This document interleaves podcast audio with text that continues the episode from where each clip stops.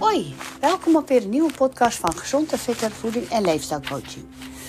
Deze week ga ik het hebben over verdriet. Wat doet jouw lijf, jouw hoofd uh, met verdriet? Wat heeft het te maken met een gezonde leefstijl? Dus ik zeg, uh, het is heel herkenbaar denk ik. Veel luisterplezier.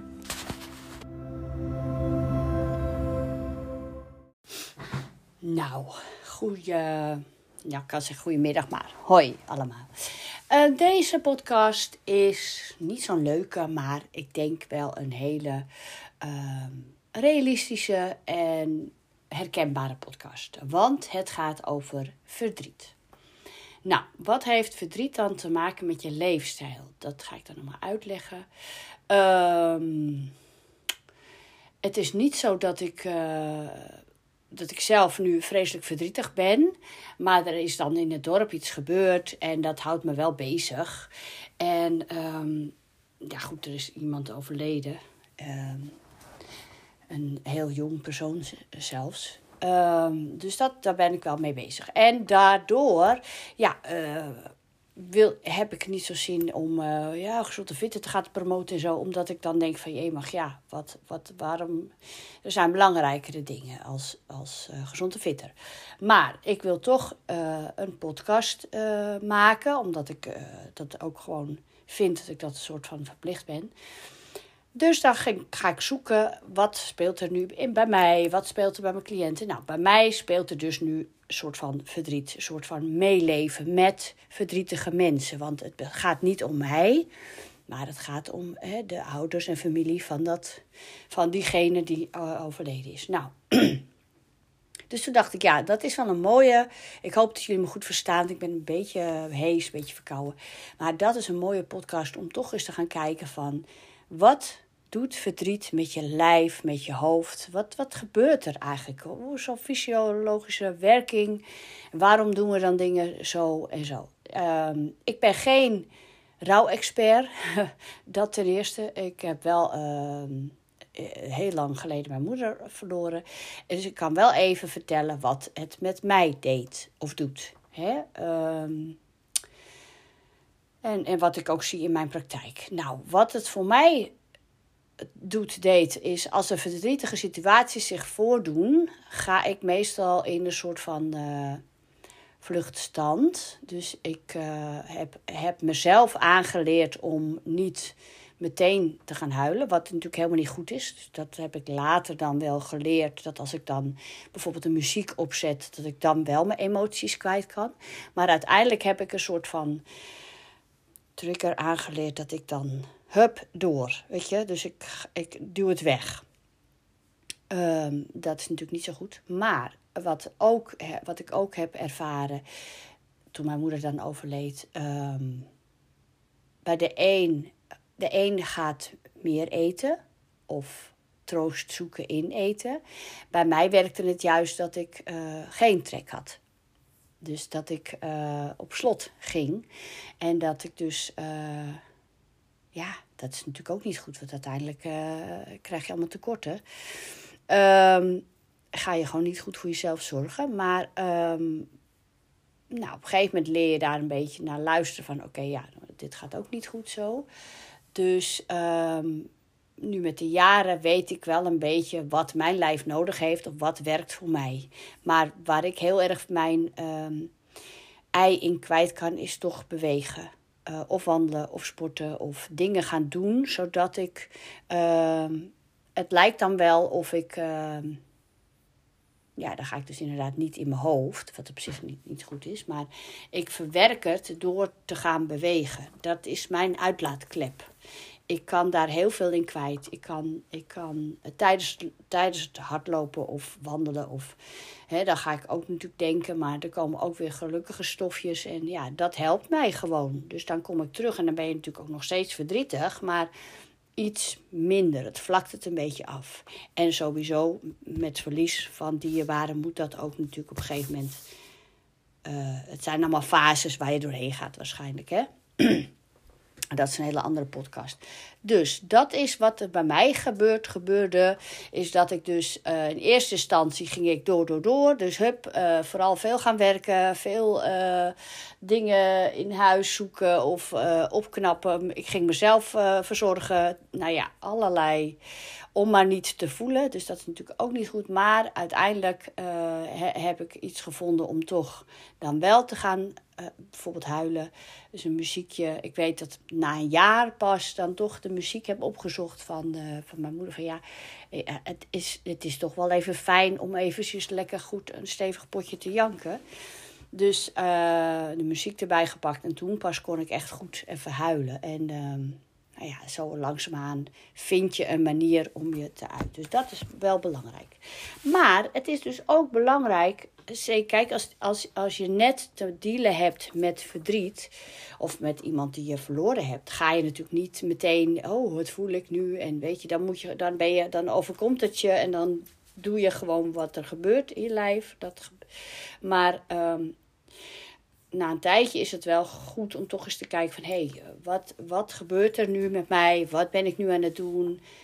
Ehm, heb ik hulp nodig? Heb ik uh, mensen nodig die, waar ik mee kan praten? Of inderdaad, helpt uh, sporten mij? Of, of helpt juist in yoga, weet ik het wat. Dan ga je een beetje meer kijken van... Oké, is dit het juiste voor jou om te doen of niet? Ik heb ook uh, wat cliënten gehad die door verdriet of door ja, stress en verdriet ligt, soms een beetje veel bij elkaar. Want je krijgt natuurlijk verdriet als je heel veel stress hebt. Uh, uiteindelijk ben je ook niet blij.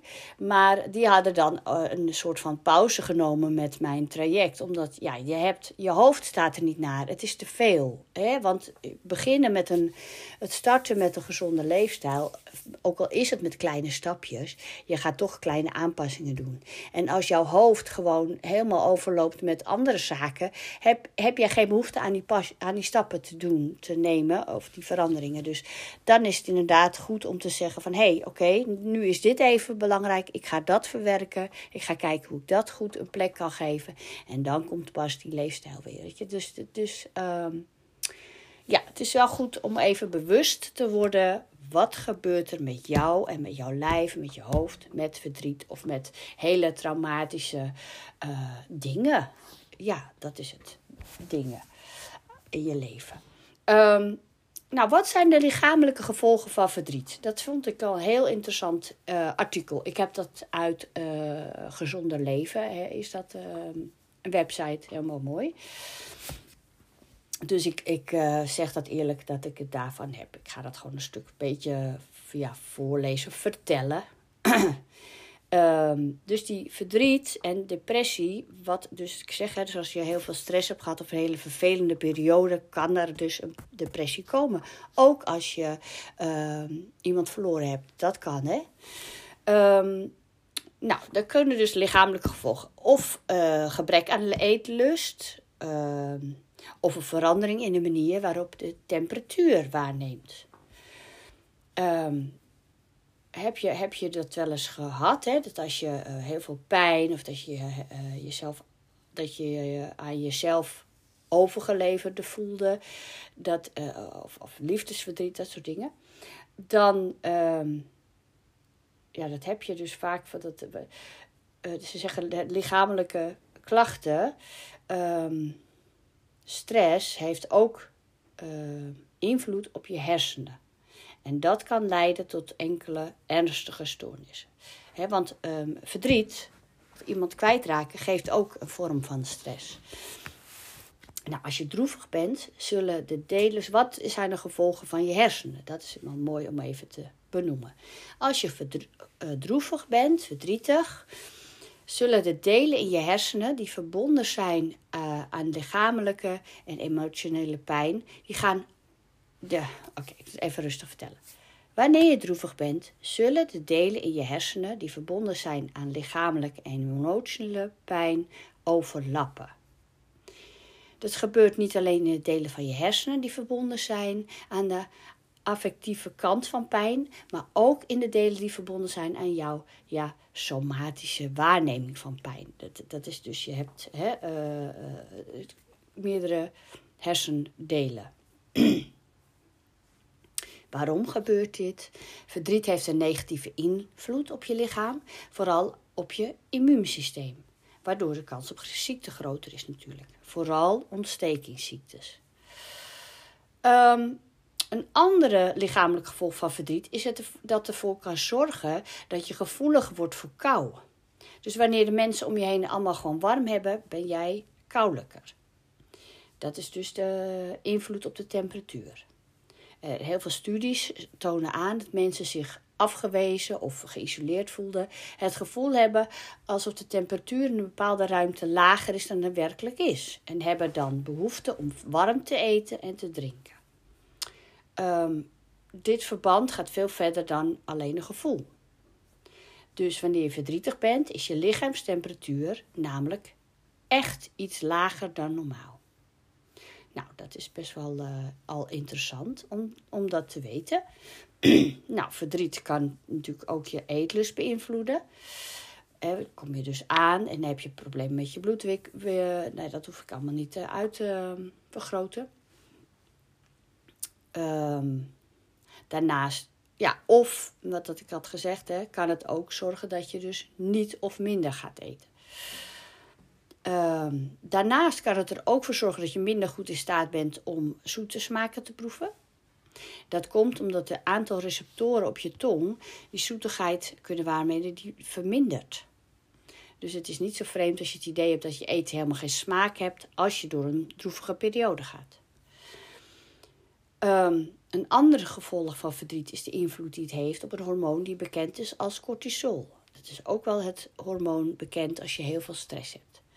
Dit hormoon is van belang om je bloedsuikerspiegel en je bloeddruk onder controle te, halen, te houden. Dus ook je slaapkwaliteit.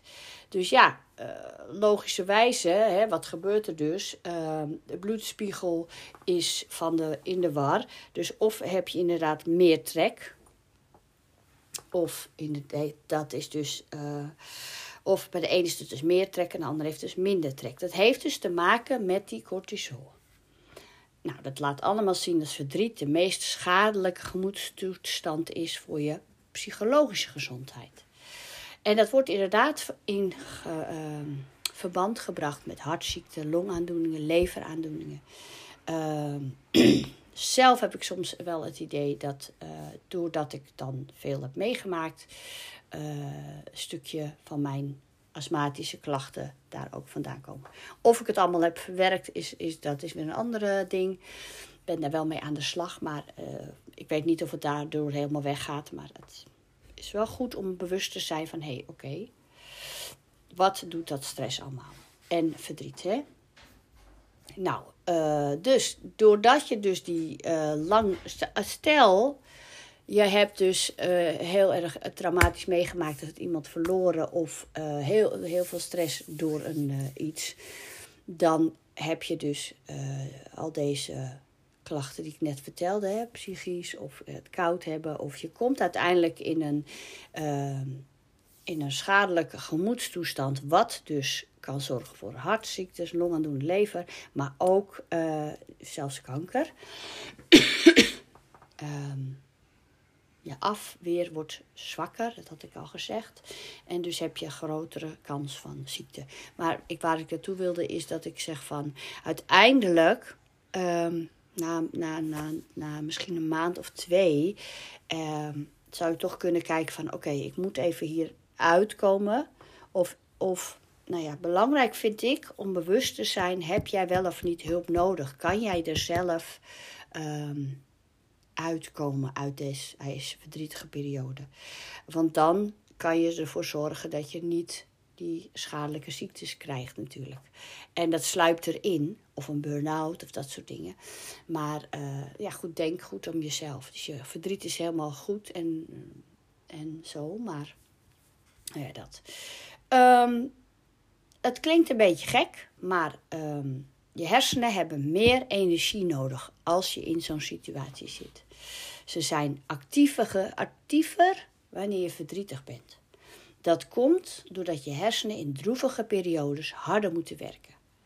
In dit soort periodes uh, worden meer dan 70 verschillende delen van je lijf geactiveerd. Dat vind ik best interessant. Nou, hoe is dat mogelijk? Het is heel makkelijk te begrijpen, want als je verdrietig bent, dan herinner je van alles. Je denkt over alles na. Heb je pijn, een soort van hartpijn. Je bent voortdurend op zoek naar oorzaken, oplossingen, alternatieven. Sommige mensen kiezen ervoor, wanneer ze geconfronteerd, geconfronteerd worden met dit soort situaties, uh, die, die, die kiezen ervoor om liever gewoon te gaan slapen. Maar zelfs dan zijn de hippocampus, dat is het, voorste gedeelte van de hersenen, en de temporale kwabben actief. Dus vergeet niet dat je hersenen gemiddeld 20% van al je energie gebruiken. Dit percentage is in droevige periodes heel veel hoger, omdat je hersenen dus heel veel aan het werken zijn, aan, aan het verdriet aan het verwerken zijn. Nou, en doordat je hersenen dat dus doen, zorgt er weer voor dat je lichaam meer glucose nodig heeft. Want je hersenen, ja, je, je lever, je spieren en je hersenen uh, hebben energiebron glucose. Sorry. Waardoor je dus veel meer trek hebt in zoetigheid. Dus het is heel mooi verklaarbaar waarom gaan mensen eten als ze verdrietig zijn. En dat is natuurlijk ook niet zo 1, 2, 3 op te lossen. Want ja, zie maar eens die hersenen weer uh, op orde te krijgen. Even een slokje water, sorry.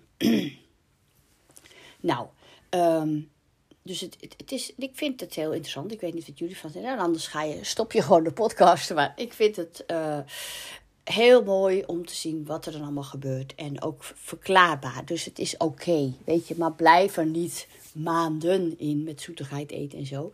Je moet ergens eventjes een soort van overleven en uh, je uiten in, op jouw manier. Maar wanneer je verdrietig bent, dan neemt het serotoninegehalte in je lichaam af. Nou, dat serotoninegehalte, dat is een uh, gehalte die zorgt dat je juist je goed voelt. Dat zit zelfs in voeding. Dat zit bijvoorbeeld in warme chocolade. Het zit in bananen. Het zit in, volgens mij, nootjes. Um, dat krijg je ook met sporten. Nou, dus als je verdrietig bent, neemt dat serotoninegehalte af. En dat kan op lange en middellange termijn invloed hebben op je lichaam. En dat kan zelfs de volgende aandoeningen geven: depressie, dat is logisch, hè? Want je hebt al minder, minder, minder. Uh, een obsessief-compulsieve stoornis of gewelddadige aanvallen zelfs. Nou, de neurotransmitter serotonine, dat is dus, komt dus vanuit je hersenen, is verbonden met onze persoonlijke motivatie. Maar je moet wel heel sterk zijn om die momenten onder ogen te komen en de voorziening te kunnen vinden om door te blijven gaan. Dus daarom zeg ik van kijk, op een gegeven moment als je dus merkt van hé, hey, ik, ik ben wel heel lang down en die, ja, zoek dan hulp. Dat hoeft niet meteen uh, arts of weet wat. Bel iemand op. Uh, ga wandelen. Ga kijken waar kan jij weer een beetje serotonine van aan gaan maken. Um,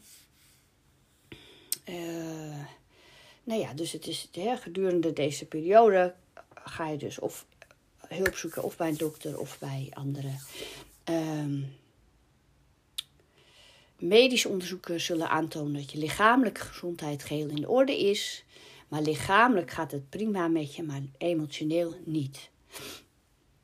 Nou, een van de gevolgen van verdriet hebben is dat je gaat huilen. Huilen zorgt ervoor dat je je beter voelt.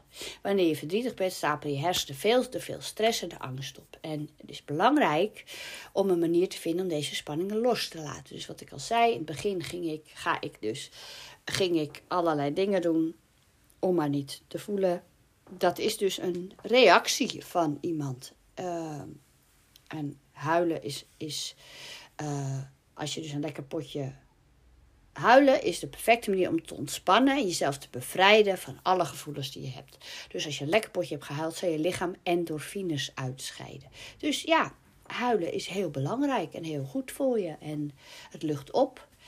Uh, En doordat je dus die, die, die endorfines weer uitgescheiden hebt, zullen die ervoor zorgen dat je rustiger wordt.